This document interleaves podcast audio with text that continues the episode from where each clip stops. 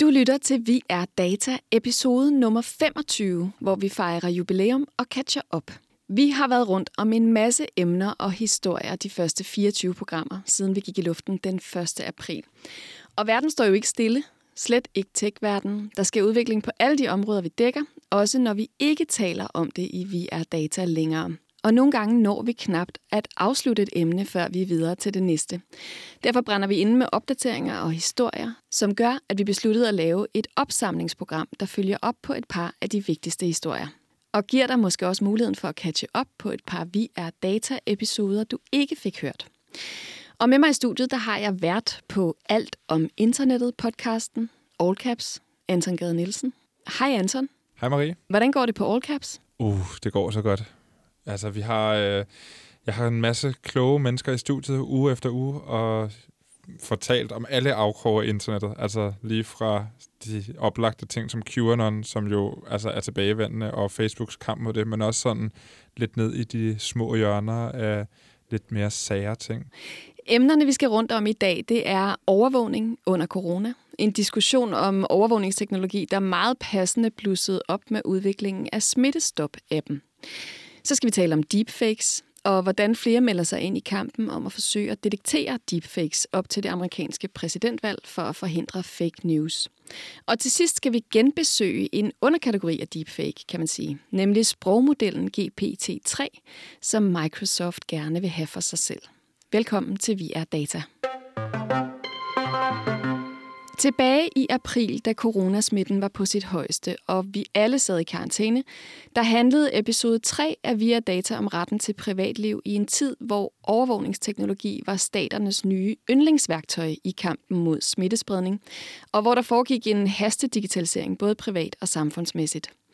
Nationalstater og tech-giganter kappedes om at finde den bedste løsning til at tracke borgerne for at undgå spredning af coronasmitte. Og i Danmark der fik vi jo Smittestop-appen, der bygger på Apple og Googles Bluetooth-løsning til at registrere og huske, hvem du har mødtes med, og om mødet varede i mere end 15 minutter. Møderne gemmes anonymt på din egen telefon og ikke på en central server. Så myndighederne kan altså ikke få adgang til de data. Men appen ved, hvem du kan have risikeret at smitte, hvis du selv på et tidspunkt bliver testet positiv for corona. Smittestop-appen er nu downloadet 1,3 millioner gange. Og trods det har kun 1.365 brugere registreret sig som smittet via appen. Ikke hvad man kan kalde en bravende succes.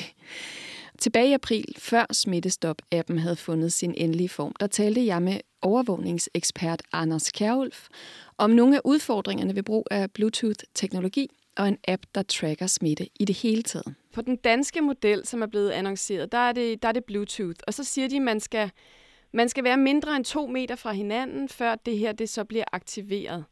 Øhm, ja. kan, vi, kan vi tro på det? Er telefoner så præcise, at de kan, de kan registrere præcis? Og hvor længe skal man have været mindre end to meter fra hinanden? Det er fandme et godt spørgsmål, hvis jeg skal sige det sådan lidt bredt og groft, øh, hvor præcis det her det er. Øh, jeg frygter, at det ikke er særlig præcist. Altså Bluetooth er en, øh, en ret rodet teknologi. Altså igen, som lige jeg har forstået øh, det her, så skal der altså også GPS ind over for at gøre det mere præcist end det her. Øh, for at du ligesom, du skal i hvert fald ind og penge GPS'en i telefonen på en eller anden måde, for at få en ordentlig præcision i det. Fordi altså Bluetooth er, vi kender det selv, altså Bluetooth er i virkeligheden på mange måder været kendt som teknologien for helvede, ikke? Fordi den er, øh, altså alle, der har prøvet på at få et hovedtelefon eller et eller andet andet til at fungere med det her, øh, og, og hvordan de ligesom autoconnecter og alt muligt andet. Det, det er noget rod. Der eksisterer i øvrigt også, hvis man nu skal gå meget øh, sådan cybersikkerhedsmæssigt til værk, så er der faktisk øh, ikke færre end i, i hvert fald to øh, stadigvæk, det der hedder zero days i Bluetooth-teknologi. Altså det vil sige bagdøre, hvor, hvor øh, udfrakommende ondsindede personer kan logge sig ind og ud af din telefon, via, hvis du har åben for Bluetooth. Og det er en almindelig sådan hacker, øh, tankegang, det er at sige, at du skal eddermame ikke have åben for dit Bluetooth, når du er i et offentligt rum, og slet ikke steder, hvor du kan risikere, at der er folk, der, der kan finde på at pille med dine ting. Det er jo så det, man nu vil kræve af folk, at de skal have hele tiden. Ja. Øhm, og præcisionen i det er ikke skide god, har jeg indtryk af. Det vil sige, at de er nødt til at parre det med noget andet. Så jeg frygter en kaskade af falske positiver, hvor jeg øh, i hvert fald i, og nu taler jeg om værst tænkelige uh, setup, hvor jeg simpelthen ikke kan forlade mit hus, uden at den siger bip. Ja. Øh, og jeg så er nødt til at gå direkte tilbage igen og sige, nu er jeg nødt til at gå i karantæne. Øh, og så kan jeg gå ind og sidde der i, uh, i to uger, og så kan jeg gå ud igen, og så siger den bip igen. Ja. Så, så som nedlukning af landet er det sandsynligvis effektivt i hvert fald. Ja, det kan man sige. Det bliver svært at gå i supermarkedet, kan, øh, forestiller jeg mig det det. i hvert fald. Men er den så... fordi der er mange af de, ja, undskyld, men der er mange af de her kontakter, vi jo har, som, hvor vi er netop tæt på hinanden, netop supermarkeder, offentlige steder, når vi går på gaden, øh, hvad hedder det, når vi bor i, øh, en etageejendom oven på hinanden. Ja. Øh, for eksempel, der, der vil vi også få nogle problemer, som bliver meget vanskelige at løse. Men altså, det kan jo være, det, der er sikkert en løsning på vej. Men så den model, som øh, den API, som Google og Apple har udviklet sammen, øh, er den mere præcis, tænker du? Ja, det vil jeg tro. Altså, for det første, så er det nogle meget, meget dygtige teknikere, som har mulighed for at sidde, altså de har mulighed for at sidde og skrive direkte ned i maskinkoden. Altså, de kan decideret gå ind og sidde og kigge på den her, der, altså Bluetooth er jo en, en sender, der sidder en lille radiosender, der gør noget. Ikke? Mm. Øh, den, den er normalt beskyttet af, øh, af, af Apples og øh, Googles grundsoftware, eller fabrikssoftware, som, som ligesom ligger udenom den. Og så kan man få lov til at spørge den software pænt, om jeg må få adgang til den her, øh, til den her antenne eller ej. Øh, hvis du har mulighed for at skrive direkte ned til antennen øh, i maskinen, øh, så kan du i hvert fald lave noget, øh, som, som sandsynligvis virker mere effektivt i den her sammenhæng. Det, det er mit bud. Jeg ved det ikke. Men udover det, så tænker jeg også, at hvis vi nogensinde skal vende tilbage til en eller anden form for i hvert fald europæisk hverdag, vi har jo sådan set et europæisk fællesskab, så bliver det vel også nødvendigt, at vi skal have de her ting til at virke over grænserne? Øh, ja, det kan man jo diskutere, om man synes, man vil have eller ej. Det kommer jo så ind på, altså hvis man mener, at det her det er et vigtigt værktøj, ikke? Altså så er det klart, så skal det også kunne virke over grænserne. Og det vilde er jo, at der faktisk allerede ligger en, øh, en form for, for app fra EU, som er blevet lavet i forhold til det her, som er lavet efter alle kunstens regler i forhold til anonymitet mm. og øh, overholde GDPR. Og der er faktisk også en dansk ud for DSU her, jeg lige glemt hans navn, som har været med til at lave Sune Lehmann. Øh, Sune Lehmann, ja. ja. Øh, og og den, den lyder enormt interessant og rigtig og fornuftig, øh, og som noget, der, der, der kan virke uden at komme til at krænke den enkelte brugers privatliv, og som faktisk kan give nogle fornuftige advarsler. Og man kunne jo håbe, at EU øh, mønstrede en eller anden form for selvtillid og insisterede på, at det skulle være den. Men altså, der er ikke meget, der tyder på det, og, og balladen er, at sundhedspolitik jo, hvis man kigger på det politiske aspekt i det, den har altid ligget hos nationalstaterne. Den har ikke noget med EU at gøre. Og EU vil meget nødigt begynde at blande sig i det her, fordi det er, har altid været nationale anlæggende, hvordan folk vil køre deres sundhedspolitik. Så jeg regner med, at vi kommer til at få nogle systemer, som kommer til at køre, øh, altså at Danmark får et system, og alle de andre lande får et system, og så vil det så være det her Google-Apple API i virkeligheden, som så bliver det, som kommer til at køre på tværs over grænserne. Øh, og der bliver EU så endnu en gang kørt bagud af de store amerikanske Ja, og hvilke interesser kan Google og Apple så have i det her, udover at hjælpe med at, øh, hvad kan man sige, inddæmme smitten? De har enormt store interesser af det her. Altså det her, det handler jo om, altså hvis de øh, får, altså i forvejen, så har man jo en, et, et oceaner-apps, øh, som tjener formuer på at vide, hvor øh, din telefon er henne fordi det er data, der kan sælges øh, og bruges til profilering af folk. Øh, og alle lokalisationsdata er nogle af de bedste, man kan få fat i, fordi der ved man ligesom, hvor, hvilken butik plejer du at komme i, øh, hvad for noget plejer du at købe, hvor går du hen, hvad er dine vaner, cykler du, eller kører du bil. Det er altså noget, du kan bruges til at profilere dig annoncemæssigt og gøre dig til noget, der kan sælges. Øh, og det har været app, appene, som ligesom skimmer den der øh, fløde der. Hvis det nu bliver integreret i uh, Google og Apples, uh, hvad hedder det, så i selve deres software, at den automatisk ligger og laver de her ting, og ligesom profilerer en muligvis anonymt, men sandsynligvis på måder, så Google og Apple kan se, hvad du går og laver, jamen, så får de jo bedre indsigt i, hvad vi er for nogen uh, i de her sammenhæng. Plus, at de kommer til at sidde på hele infrastrukturen for de her ting. Ikke? Og det vil de jo gerne. Uh, og det er ret ironisk, at, at Europa nu ender så med at vælge nogle af de her, når vi faktisk lige kommer fra en periode, hvor vi har forsøgt at frigøre os fra dem. Og vi har brokket os helt vildt over de her tech-giganter, og hvad de går og laver, og sådan noget. Altså, vi fik jo et glimrende eksempel på, hvad Google kan her for to uger siden, tror jeg det var, hvor, hvor der pludselig poppede den her rapport op, hvor de så kunne fortælle, at øh, så og så mange danskere går i de og de parker, og så og så mange går i, øh, ind og køber is, og de gør alle de her ting. Øh, og det, det er jo data, som Google har i forvejen. Øh, og, og sjovt nok, så har de jo ikke tilbudt for eksempel at lave smitteopsporing. De kunne jo også have tilbudt deres data til Statens Serum Institut anonymt, og sagt, vi ved faktisk, hvor folk er henne allerede. Ret præcist. Det eneste, vi behøver, det er faktisk, at, at at det er, at folk de markerer sig som covid-19-smittede hos os. Jamen, så kan vi sende det hele vejen rundt, så vi se, hvem som helst der er mødt. Men det har de jo ikke gjort, fordi det er en lille smule pige, den her måde, de samler data på, fordi de ikke spørger først. øh, og fordi at folk ikke har en fornemmelse af det. Så, så det, der ligger også noget hvidvaskning i det, altså af den måde, de opfører sig på. Men det lader til, at selv øh, overvågningsskeptikere bliver omvendt i de her dage. Der er, jo, der er jo flere, der direkte opfordrede dem til at bruge al den her indsamlede data, som tech-giganterne har på os, til at kontrollere smitten. Er du en af dem? øh, nej, men det er fordi, at jeg faktisk øh, ikke er sikker på, at det her virker. Mm. Øh, jeg har, altså det, hvis det her skal give have nogen effekt, den her opsporing øh, via teknologi, så kræver det jo, at hver eneste gang, at jeg får en melding om, at jeg har været nede af nogen, der har covid-19, så skal jeg have mulighed for at få en test. Øh, så jeg ligesom kan indgå i den her statistik. Ja. Øh, så hvis, jeg, hvis, jeg, hvis det viser sig, at jeg er også positiv, så skal min telefon jo også sende noget ud. Det er jo ikke nok, at jeg bare går i karantæne og så venter på, om jeg er syg. Jeg skal have en test af en eller anden form. Og i og med, at vi ikke tester folk øh, i øjeblikket, fordi det muligvis ikke giver nogen mening heller, så, så er vi i en situation, hvor vi ender med at komme til at omgive os med en frygtelig masse data og en masse registreringer, som potentielt kan bruges til alt muligt andet i fremtiden, når, vi, når det her covid-19 engang er slut, øh, og som ikke har nogen effekt. Øh, så det er det, jeg frygter, det er, at man laver en teknisk fix, som ser enormt smart ud, og hvor, jeg hele tiden, hvor det hele tiden siger bip, vi snakker er uden for døren, og man nu har været nu skal du passe på, og alt muligt andet. Øh, men at det ikke bliver noget, som, øh, som reelt bremser smitten. Altså eller det der kontaktopsporing er jo en gammel ting inden for epidemiologi, som det der svære ord, nogen har altså prøvet at lære gennem længere tid. Øh, kontaktopsporing er jo enormt, altså det er en videnskab i sig selv. Altså det der med at få folk til at huske, hvem de har været sammen med. Ja. Øh, og, og der kan man sige, at det er mennesker måske ikke så gode til i præcision, men de er skængel gode til at huske det, når det betyder noget. Altså må ikke de fleste af os kan huske, den vi var rigtig tæt på. Mm. Øh, at den, man havde kysset i en gadedør på et eller andet tidspunkt, eller hvem man øh, havde, øh, hvad hedder det, var til fest med, og hvor der blev danset tæt. Det tror jeg godt, folk kan huske. Øh, men, jeg tror, det, det, så, og det er jo der, det betyder noget.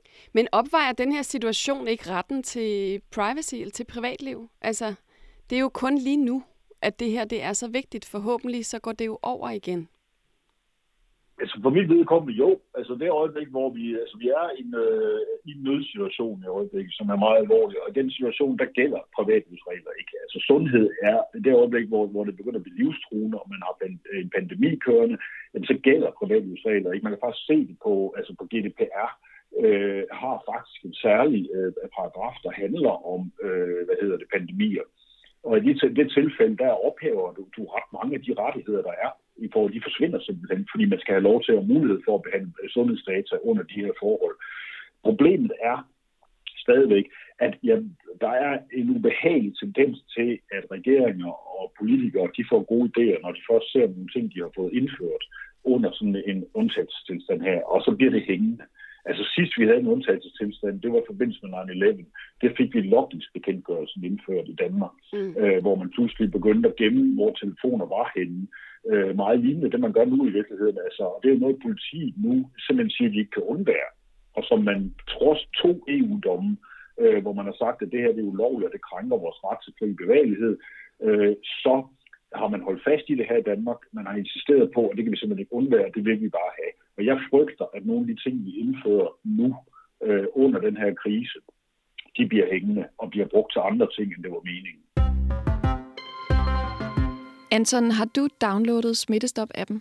Ja, det har jeg. Jeg har downloadet den hurtigt. Ja, det var godt. Har du fået nogle beskeder? Nej, Nej. ingen.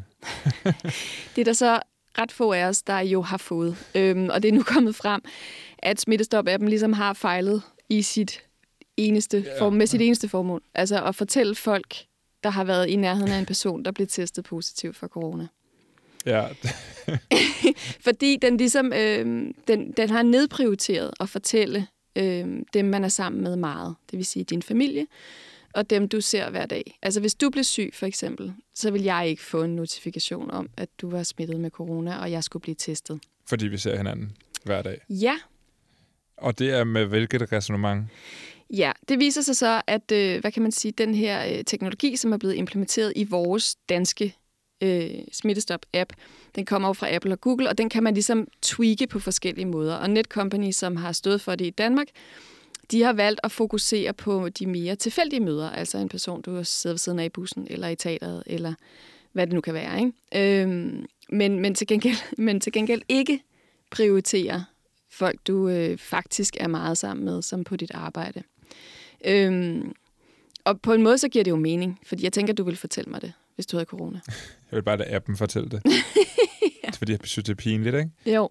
Altså, man kan jo godt forestille sig, at der var nogen, der ikke ville fortælle det, selvom man er på sin arbejdsplads. Der er jo kollegaer, man taler med, og så er der kollegaer, man ikke taler med. Og Ja, ja. Jeg synes, det er bare, altså, det virker bare mærkeligt, at man ikke bare har sagt alle, alle du er Ja. sammen med Ja. mere end 15 minutter.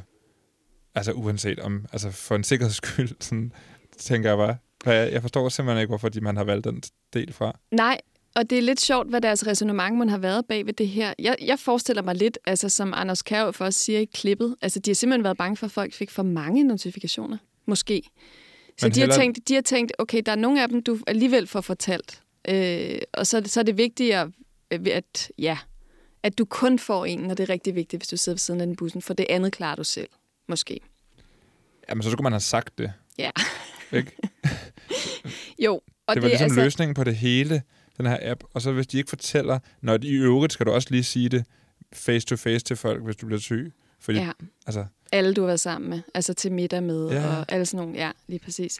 Og nu, nu siger de så også, at de vil ændre appen. Altså, de vil ændre den måde, som den udregner den her risikoscore på. Så man fremover, fremover så får man besked, hvis man har været tæt sammen med en smittet person, lige meget om man ellers har været sammen. Og det giver jo meget god mening. ja, det må man sige. Tror du på, at den kan gøre en forskel på et tidspunkt? Øh, Det ved jeg sgu ikke længere. Nej. Altså, jeg tænker, det er et meget godt middel, ligesom alle mulige andre forholdsregler og afstand og mindre natteliv og sådan nogle ting. Men øh, den alene, nej, det tror jeg ikke. Altså, det virker som om folk glemmer lidt corona, og glemmer lidt, at de har den her app i lommen alligevel. Men det er alligevel også lang tid, 15 minutter. Altså, det er jo lang tid, man skal have været ved siden af hinanden. Lad os nu sige, nu er vi heldige, at smitten falder. Øhm, men det er jo netop ikke dem, jeg går, der løber forbi mig på vejen. Mhm. Mm. Altså, der får jeg jo ingen besked. Øhm, Og dem der, der lige kommer løbende rundt om søerne, de hoster dig Ja. i hovedet på vej. ja, præcis. Det tager øh, 13 sekunder, ikke? Dem får man ikke noget. Men det er, selvfølgelig, det er selvfølgelig det der menneske, du, øh, du sidder ved siden af i øh, teateret, som du er i hele tiden, Anton. Ja, eller i bussen, ikke? Altså, men det gør man jo heller ikke. Altså, man har jo... Altså, jeg tænker, der, der- der er større sandsynlighed for, at du bliver smittet af nogen, du ses med ofte, og som, som måske har fået det igennem arbejdet, for nogen, de også ser ofte, og på den måde, i stedet for, at man jo holder... Altså, vi holder jo afstand. Det gør jeg i hvert fald, når jeg er Ja, i bussen, og ja. det, gør, det gør jeg sådan set også før corona, ikke? Det er jo forfærdeligt at sidde ved sådan et fremmed menneske i bussen. Ja. Øh, men øh, ja, ja, ja, Det gode, man kan sige om det, synes jeg, det er, at vi endte med at få en privatlivsorienteret løsning Ja. i den her app. Ja. Øhm, og måske kan teknologien blive bedre med tiden. Altså, det her er jo ikke, som mange forudsætter, det er jo ikke sidste gang. Altså, vi kommer ikke af med corona i et stykke tid, og tænk nu, hvis der kommer noget nyt. Ja. Jeg synes ikke, det er dumt at have testet det her. Og det her med at bruge den telefon, vi alle sammen render rundt med i lommen, til noget positivt i den forbindelse, det giver mening, Mm. så længe det ikke bliver brugt til samtidig at overvåge os på alle mulige andre måder. Øhm, så det er jo trods alt positivt. så, så bliver den jo også brugt øh, øh, som adgangsbillet, kan man sige på en eller anden måde. Ikke? Jomfru Anegade blandt andet i Aalborg, hvor, øh, som jo er sådan en øh, berygtet øh, øh, party street. Der står Øh, de bare og kaster op på hinanden. ja, de slås, og de, øh, de horer, og de øh, ja. Brækker sig, ikke? Jo. jeg ved det ikke, jeg har aldrig været der. Øhm, men der har de jo altså indført på barne der, at for at du kan komme ind, skal du vise, at du har appen installeret. Ja, og der giver det jo god mening. Altså på en bar, hvor man er, er hvis tæt på hinanden. Hvis, hvis den virkede, men det, det bliver også en lille smule alibiagtigt. Lige nu er det de unge, der spreder det rigtig meget. Jamen, det bliver sådan, vi vil gerne holde gang i nattelivet-agtigt, så nu bruger vi den her løsning, bare fordi vi går konkurs ellers. Og det kan jeg godt forstå, og det er jo også, altså det er jo, der er jo rigtig mange, der er udfordret af den, af den her krise, så det, på den måde synes jeg, det er en meget god idé at sige, hvis du skal ind, så skal du vise samfundssind. Vi er Data episode 16 handlede om deepfakes. En forholdsvis ny teknologi, som ved hjælp af kunstig intelligens kan lave utrolig realistiske, falske eller syntetiske videoer, billeder, stemmer eller tekst. Det kan for eksempel være fotos af folk, der ser helt virkelige ud, men aldrig har eksisteret. Eller det kan være videoer med skuespillere eller politikere, som siger eller gør noget, de aldrig vil sige eller gøre i virkeligheden. Det udfordrer vores opfattelse af sandt og falsk, og nogen mener, at vi i en ret nær fremtid slet ikke længere kan stole på vores øjne og ører i forhold til video og lydmedier. Jeg talte med Magnus Bøje, journalist og redaktør for Ingeniørforeningens niche-medie Datatech, om hvad deepfakes er, og hvordan man egentlig kan forholde sig til en fremtid, hvor deepfakes er overalt. Jeg har hørt, at 95 procent af alle deepfakes, man kan finde på nettet, er porno faktisk. Ikke? Og det er jo øh, selvfølgelig, skulle jeg til at sige, men det er rigtig meget kvindelige filmstjerner, sangstjerner, alle mulige typer kendte mennesker.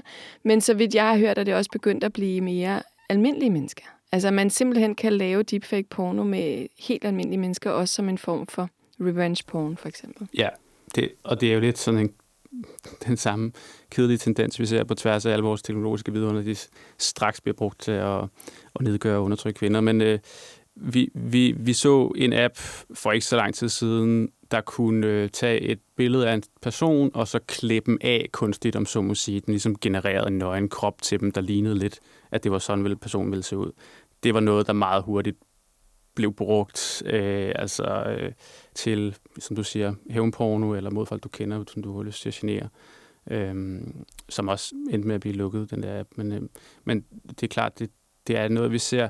Altså, jeg synes, at det betyder ikke, at folk skal være bange for at dele deres billeder, ikke mere bange, end de har været før. Øh, vi har jo altid kunne tage, eller ikke altid, men vi har længe kunne tage et billede, og så sætte det ind i Photoshop på, på en nøgen krop. Og det har altid været ubehageligt, øh, hvis man skulle have oplevet det.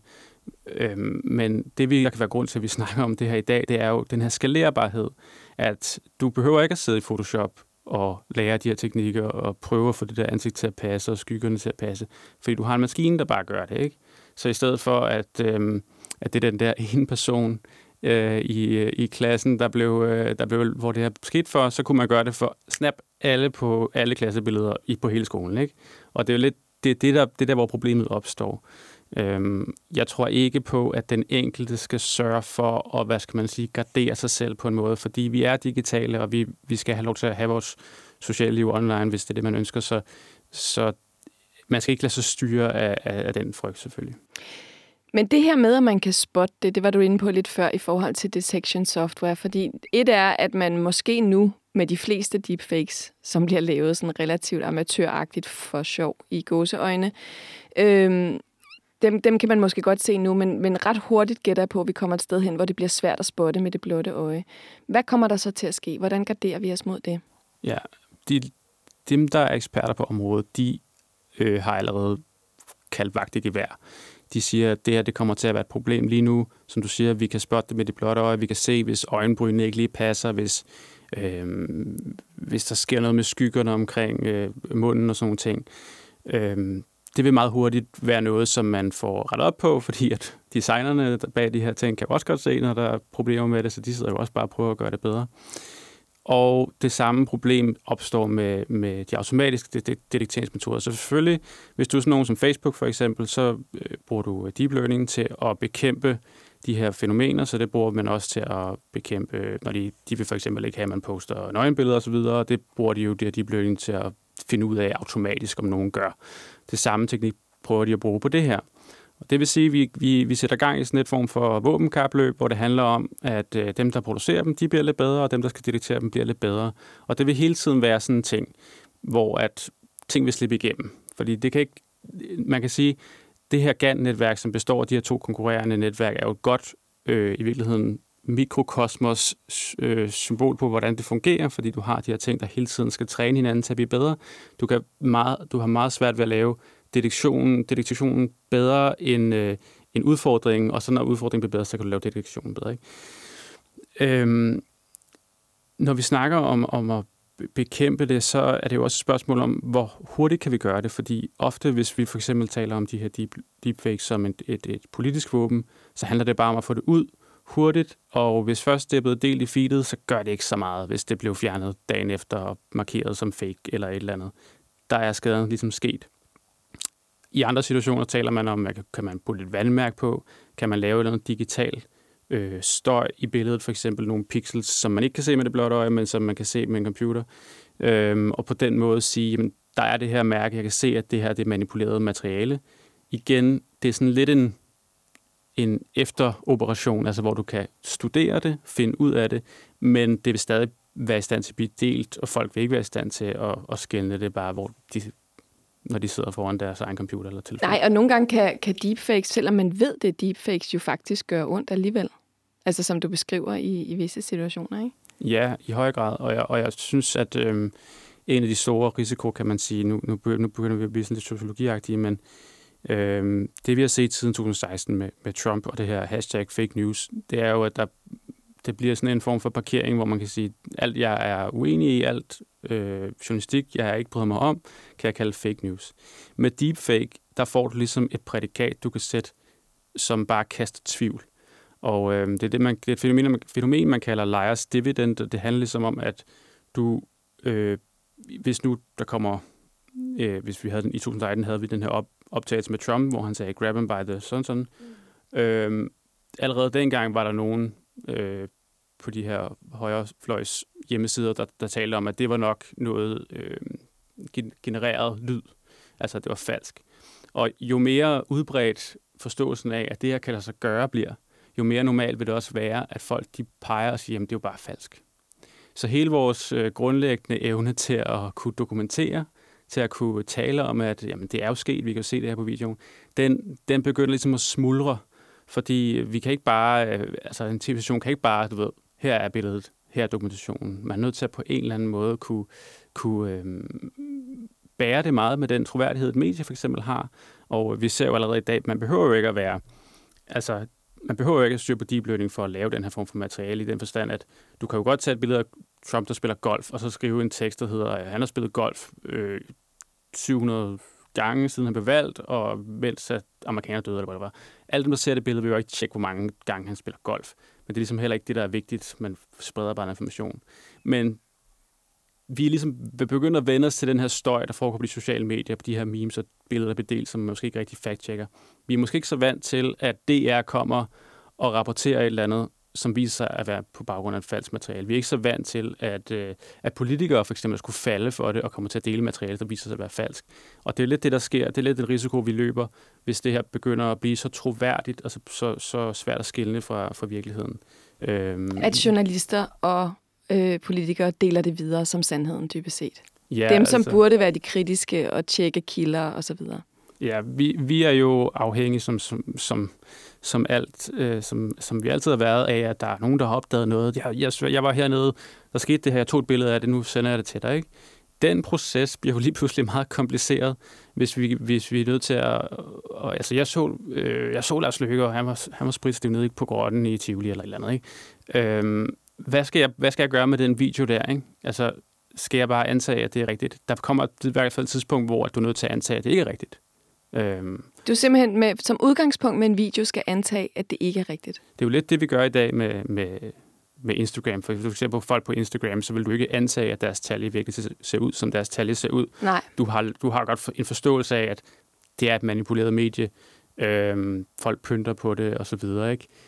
Vi har ikke helt den samme kritiske sans, når det kommer til video, fordi vi... Øhm, ikke har set så meget på den her måde. Vi er jo begyndt at se fra Hollywood, at alting er nærmest digitalt. Der er jo, det, er jo, det er green screen, og det er, det er spilmotorer, der simulerer øh, omgivelserne omkring de her skuespillere. Men at tage den der øh, virkelig uvirkelighed og sætte den ind i vores eget liv og forestille os, at det kunne ske, og vi kunne blive udsat for det, det, det er ikke blevet en, en ting, vi tænker over endnu. Anton, Microsoft har jo kastet sig ind i kampen mod deepfakes. Mm. De har øh, lanceret det, de kalder Microsoft Video Authenticator, som er et værktøj, der kan spotte videoer, der er blevet manipuleret med deepfake-teknologi med en eller anden procent sandsynlighed. Ikke? Øh, og det er de slet ikke de første, der prøver. Øh, men de siger, at, øh, at det er vigtigt at gøre lige nu, fordi at øh, der snart kommer et amerikansk præsidentvalg. Ja. Og det er, jo, det er jo blandt andet på grund af problemet med fake news, som du jo også taler en del om i dine programmer. Ja, der er meget for tiden, ikke? Der er rigtig meget. Og, øh, og man kan godt forestille sig, at, øh, at deepfake-teknologien, eller man har jo allerede set eksempler på, at deepfake-teknologien kan, kan bruges til på en eller anden måde at, øh, at, skabe, at skabe falske historier om mm. modparten. Mm. Altså der var den her video af Nancy Pelosi, som, som, øh, hvor hun taler, som er blevet i et interview som blev sådan, den blev bare meget, meget enkelt slået down, hvilket betyder, at hun taler meget, meget langsomt, og det lyder som snøvlende ja, på en eller anden måde. Ja. Så det lignede, at hun var fuld. Og det var en historie, hun næsten ikke kunne ryste af sig. Nej. Øhm, det er jo forfærdeligt. Og det er jo ikke engang særligt teknisk. Nej. overvej, hvis man krydder det med noget deepfake. Ja, lige præcis. Og hvad kan man sige? De deepfake-ting, vi har set indtil nu, er jo sådan nogle meget ekstreme nogen. Med nogen, der altså banner eller siger et eller andet vanvittigt. Men det er jo uundgåeligt, at øh, deepfake-teknologien vil tilpasse sig og blive bedre øh, for ikke at kunne blive opdaget, kan man sige. Og det siger Microsoft også lige ud. Det er, ikke, det, det er kun lige nu, vi tænker, vi kan gøre noget ved det i, i et øjeblik. Øhm, men selvfølgelig arbejder man videre på, hvordan i alverden skal vi forholde os til, til indhold i en fremtid, hvor det her er en reel mulighed for at blive en forfalskning. Ikke? Og der, der, arbejder, der arbejder Microsoft blandt andet sammen med BBC og New York Times med noget, de kalder Project Origin, som er en metode til at lave sådan en form for vandmærker på medieindhold for, for medieselskaber. Ikke? Så hvis der er noget, der dukker op i, lad os sige, dit Facebook-feed, øh, en video, så hvis du har det her, den her teknologi installeret i din browser som en eller anden tilføjelse, så vil din browser fortælle dig, at det her videoindhold har et vandmærke, det kan du stole på, eller det har ikke et vandmærke, det kan være manipuleret. Det er jo smart.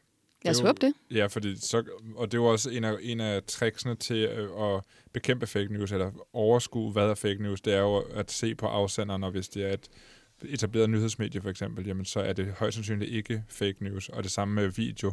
Hvis du kan se, at den her video kommer fra officielt sted eller fra et etableret medie, så er det højst sandsynligt ikke falsk.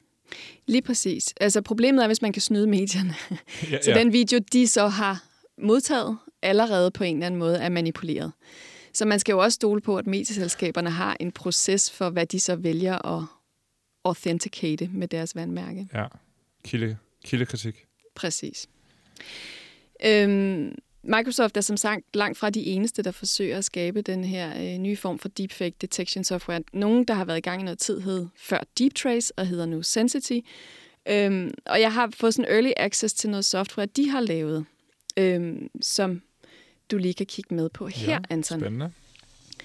Og det, der man ligesom ser her i min browser, fordi jeg har fået, fået adgang, det er så, hvad kan man sige, det er ikke endnu en deepfake detection, det kommer også, men det er sådan et form for trusselsniveau, hvor man kan se på, på kendte personer i medierne, hvor stor en risiko der er for, at de øh, er udsat for deepfakes. Og nu er der, der er 250.000 resultater her.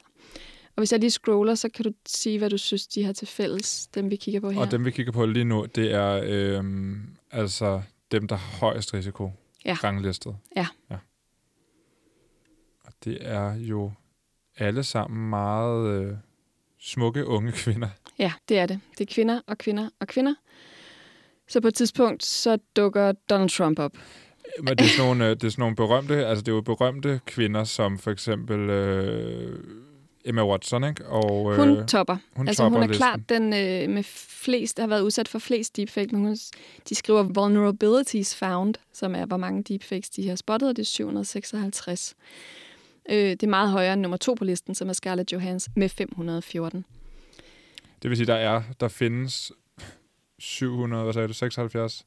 756. 756 deepfake videoer med Emma Watson. Videoer eller billeder, ja, eller lyd, men formentlig videoer. Og det her, det som det her, det jo tydeligt viser, det er, at øh, fake news og, øh, og de politiske den politiske brug af deepfake er selvfølgelig et problem, men det kæmpe, kæmpe, kæmpe store problem med deepfake, det er deepfake porn. Fuldstændig. Altså... Og det at stjæle kendte kvinders identitet og putte dem i nogle sammenhænge, som er ja, fuldstændig uønsket for dem, og som de øh, har meget, meget svært ved at slippe ud af. Altså, det er jo sådan en helt ny øh, afart af sådan noget MeToo, øh, øh, ja. øh, og, og det er sådan noget ufrivilligt del af nøgenbilleder hvor det jo ikke er din nøgne krop, men det ligner så meget, at det er dig, der er nøgen og har gang i en eller anden seksuel akt, ja. selvom du aldrig har været det sted. Og det vilde er jo, at selv med det her detection software i din browser, hvis du og jeg, og det vil jo være mig, let's be honest, fordi jeg er kvinde, blev placeret i sådan en situation, så selvom der stod, det ikke var mig, så ville det jo være fuldstændig forfærdeligt at opleve. Ja. Tænk, hvis min, tænk, hvis mit barn så det her. Ja. Tænk, hvis, altså, så altså, skaden er på en eller anden måde sket, selvom at man kan så få fortalt, at det er en deepfake, ikke? Det er jo helt altså crazy. Hvorfor er det? Hvorfor er folk så klamme? ja, men altså. Det er så vildt. Emma det Watson, er... mand. Hermione fra øh, Harry Potter. Tag sammen. Som en forlængelse af episoden om deepfakes dykkede vi i det efterfølgende program ned i den kunstige intelligens eller sprogmodel, der hedder GPT-3. Det er en form for autocomplete på steroider, som kan generere tekst på baggrund af få sætninger. GPT-3 står for Generative Pre-Trained Transformer, og den kaldes den stærkeste sproggenererings-AI nogensinde. Og der spekuleres i, hvad det vil betyde for alle, der arbejder med at skrive og producere tekst, og for kommunikation i det hele taget. Og for kommunikation i det hele taget. GPT-3 kom ud som beta-version til få udvalgte her i juli måned, og jeg talte med data scientist Edin Ikanovic, der allerede havde haft fingrene i GPT-3.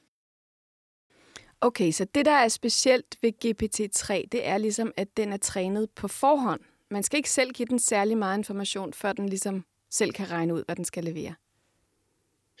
Ja, det der er helt særligt ved GPT-3, det er dels, at den er meget større end øh, de neurale netværk, som man har trænet tidligere. Og så har det vist sig, at når man laver sådan en, et meget stort neuralt netværk, at så slipper man for at skulle gøre det, man skulle gøre tidligere, hvor hvis man gerne ville have den til at gøre noget helt specifikt, som for eksempel at skrive digte, jamen så skulle man ud og samle øh, 10.000 vis af eksempler på digte, som man så skulle gentræne algoritmen med. Det slipper man så for at gøre. Det man så kan gøre nu, det er, at man kan give den en eller to eksempler, og så kan den godt finde ud af resten selv. Men det, altså det virker som fuldstændig magi, at den kan lave tekst inden for så mange genrer med så lidt. Altså den kan jo skrive teaterstykker, den kan skrive poesi og akademiske afhandlinger. Hvordan regner den ud, hvilken genre det er, den har med at gøre?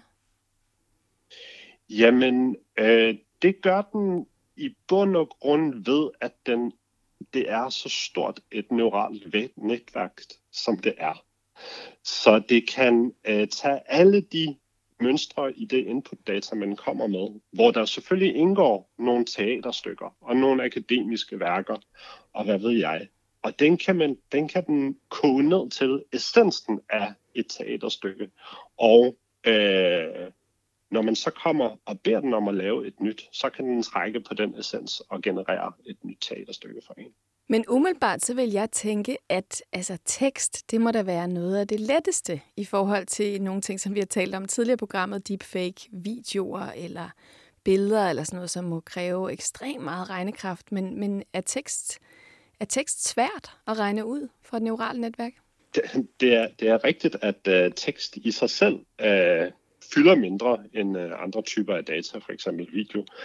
Uh, men hvis man skal lave en god sprogmodel, som skal kunne for eksempel svare på uh, alle de spørgsmål, man lige skal kunne, kunne finde på og finde på at stille den, så, uh, så skal den i virkeligheden vide utrolig mange ting om verden. Det er lige før, at den skal vide alt om verden, fordi når man træner den, så ved man jo ikke, om jeg kunne finde på at komme og spørge om uh, ja, uh, om en madopskrift, eller om jeg kunne finde på at spørge om øh, hovedsteder i verden. Og alle de her ting, det skal den her sprogmodel kunne, øh, det skal den lære, og det er faktisk ret svært.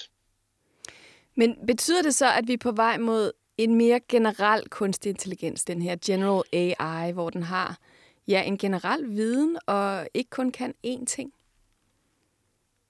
Øh, det er bestemt et skridt i den rigtige retning, og det er utroligt spændende det her, at vi slipper for at skulle give en algoritme 10.000 vis af eksempler, før at den for eksempel kan lære forskellen på en hund og en kat.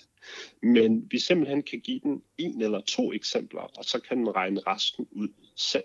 Det er i hvert fald meget tættere på den måde, mennesker lærer om verden på. Når min øh, lille datter på et år skal lære forskellen på hund og kat, så skal hun jo netop ikke have 10.000 vis af eksempler, men hun kan nøjes med øh, en håndfuld, og så har hun lært det. Edin, hvorfor, øh, hvorfor har du fået adgang til GPT-3 som en af de første? Jamen, øh, det har jeg gjort, fordi jeg øh, følger den her virksomhedsforskning, og de øh, skulle have nogle øh, beta-tester. Øh, jeg havde en øh, god business case, jeg skrev, øh, jeg, jeg skrev til den, og øh, de synes, at øh, jeg kunne øh, få lov til at teste algoritmen af på baggrund af det. Og er du imponeret? Jeg er meget imponeret. Øh, jeg er faktisk overvældet, vil jeg sige. Øh, I øh, dels i, i bredden af, hvad den her algoritme kan, og hvor lidt der skal til for at få den til at kunne gøre nogle, øh, nogle ting, som bare for altså, få uger siden var meget, meget, meget svære, er, er, er lige nu blevet øh, meget lette. Det er ret fantastisk. Hvad, hvad er dit yndlingseksempel, som andre har gjort med GPT-3?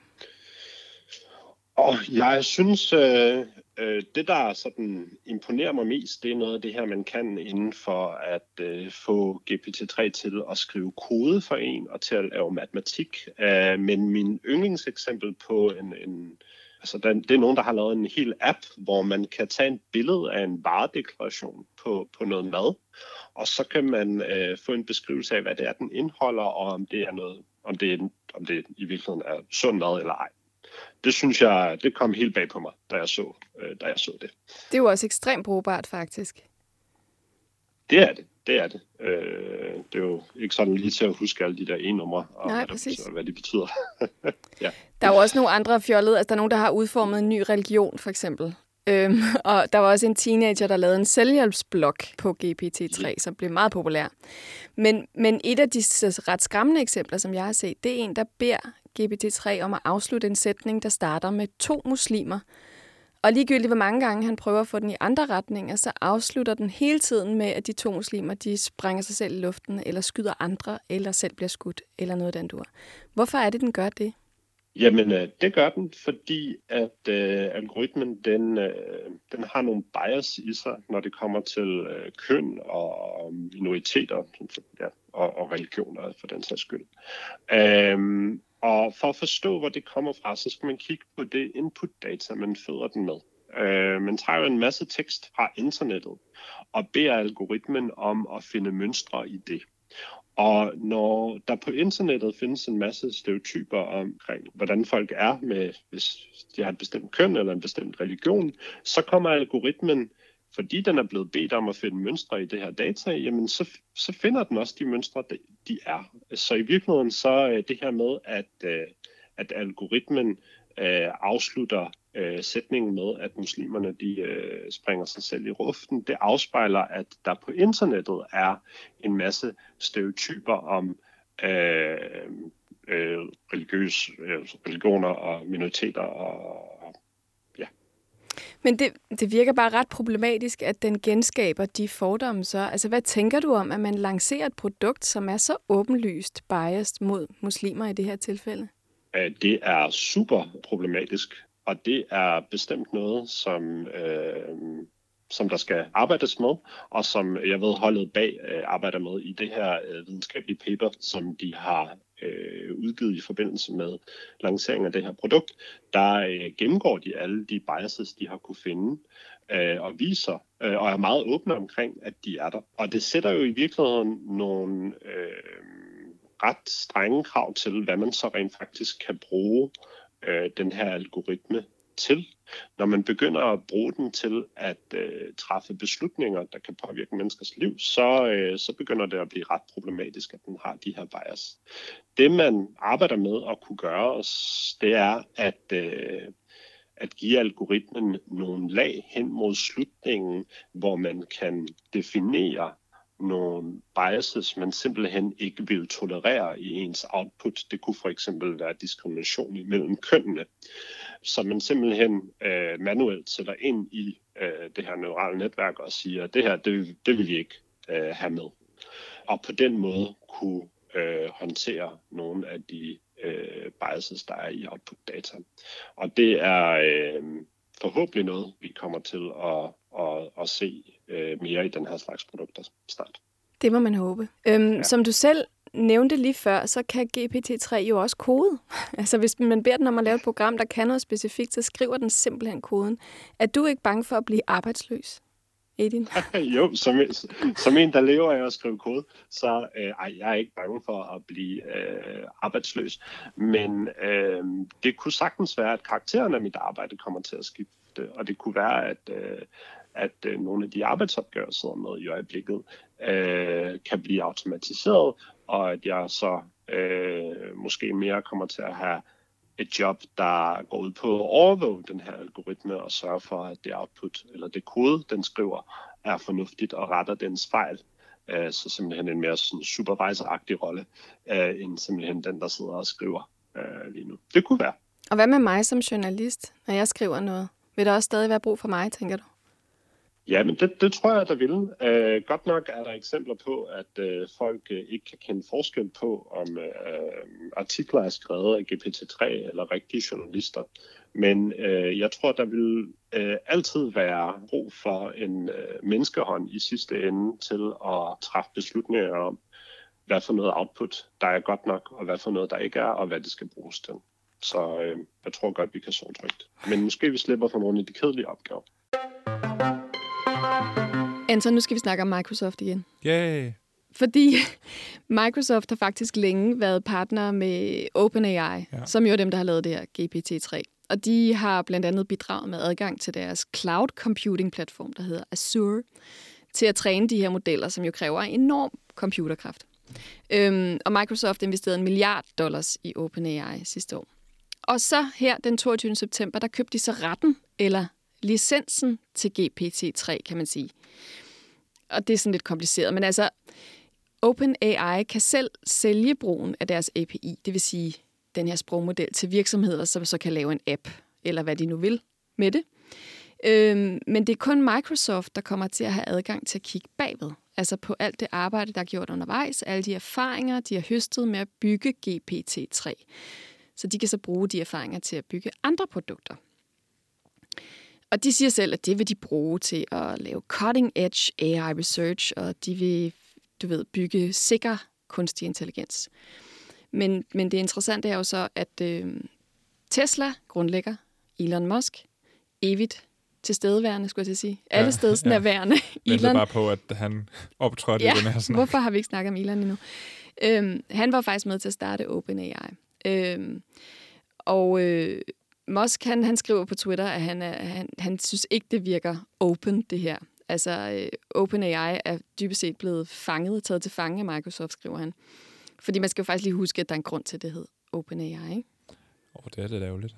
Det var altså oprindeligt en non-profit med et mål om en bedre verden. Og øh, det her, det virker lidt som det modsatte.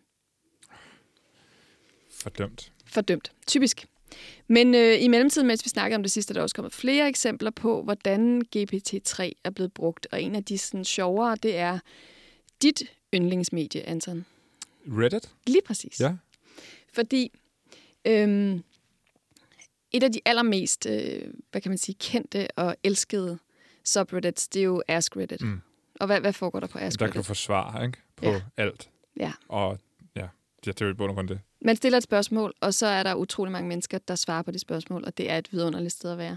Jamen, folk er jo kompetente på alle mulige forskellige måder på Reddit, ikke? så du kan altid finde en, der har en eller anden ekspertise inden for det område, du nu vil ja. vide noget om. Ikke? Jo.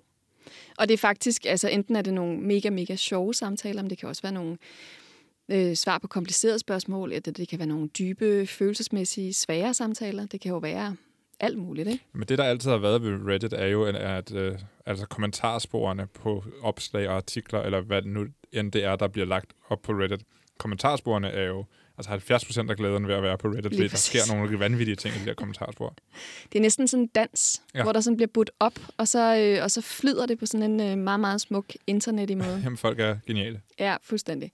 Øhm, så her for nylig øh, var der så en, en Reddit-bruger, der lagde mærke til, at der var en, øh, en anden bruger på, på Ask Reddit, som ligesom svarede utrolig hurtigt med meget, meget lange posts. Og han begynder så at dykke ned i, hvad den her bruger ellers har svaret, og finder ud af, at der er hundredvis af posts på Ask Reddit, og at det ligner noget, han kender.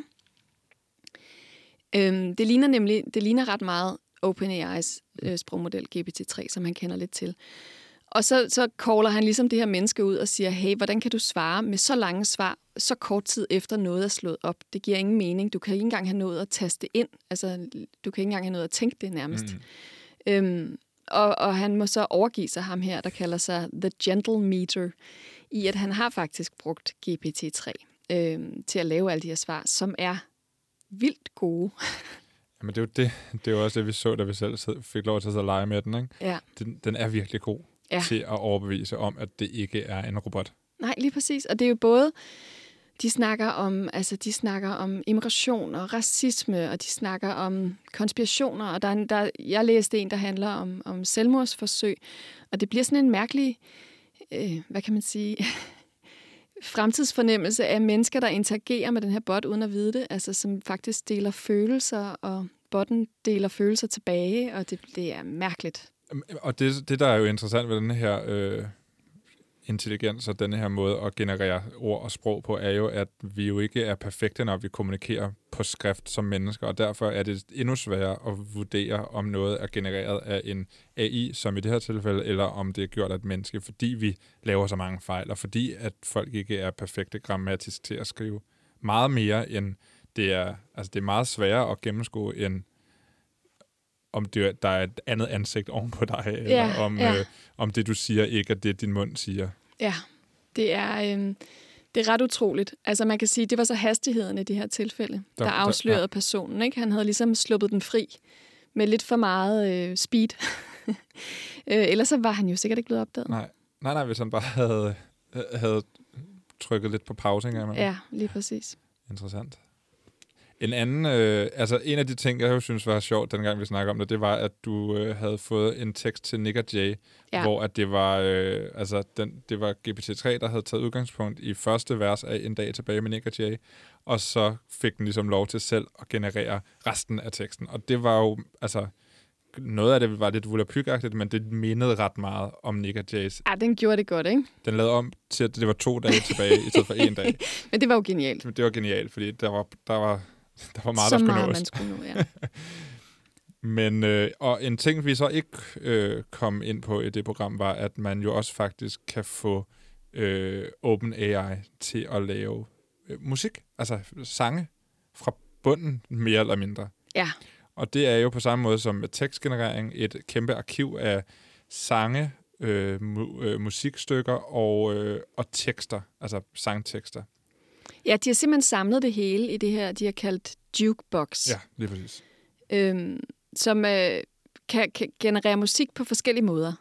Man kan både gøre det, at man øh, får den til at øh, lytte. Altså man starter ligesom med Nick J-tekst, man giver den en lille bid, og så spiller man måske 10 sekunder af en Elton John-sang, og så øh, fortsætter den efter 10 sekunder. Men der er også, øh, altså man kan også bare fortælle den, nu skal du lave en sang med Elton John. Ja. En ballade. Øhm, og, der, og, og, og hvor man så ikke engang giver den øh, teksterne. Øh, og så skal den sig selv finde på teksten på til baggrund den her sang. af al Elton Johns smukke lyrik. Lige præcis. Som den jo kender. Øh, det har vi fundet et eksempel på. Pop rock in the style of Elton John. Og det kommer her. Stop. Should I wait det lyder jo helt vildt meget som Elton John. Det kan godt lyde som sådan et øhm, lost tape. Det fede er, at de tilføjer det der lag af, af, af meget høj promille på en eller anden måde, fordi man kan ikke rigtig, rigtig høre, hvad de siger.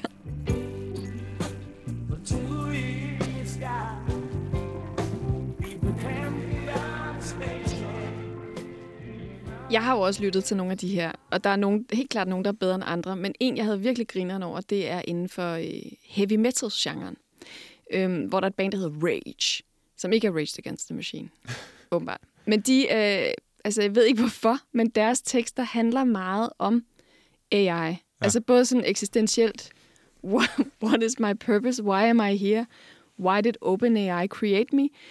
Men også sådan en nærmest en sang til OpenAI, så den kunstige intelligens har valgt heavy metal-genren til at lave nogle hyldest melodier til sig selv. Det synes jeg lige, vi skal høre et eksempel på.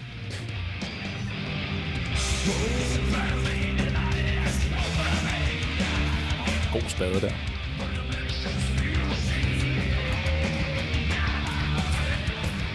Okay, man kan ikke høre, hvad de synger. Men de synger, de synger en masse om OpenAI, OpenAI. Øhm, vi prøver at skabe safe AI og sådan nogle ting.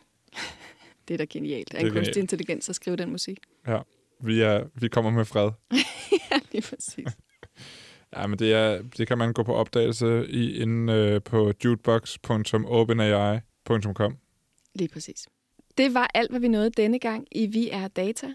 Tak fordi du var med, Anton. Selv tak, det var hyggeligt. Programmet var produceret af og på Enigma Museum for Post, Tele og Kommunikation, og i redaktionen sidder Anton Gade Nielsen, Nana Schmidt Nordeskov og jeg selv, jeg hedder Marie Høst. Tak for den gang.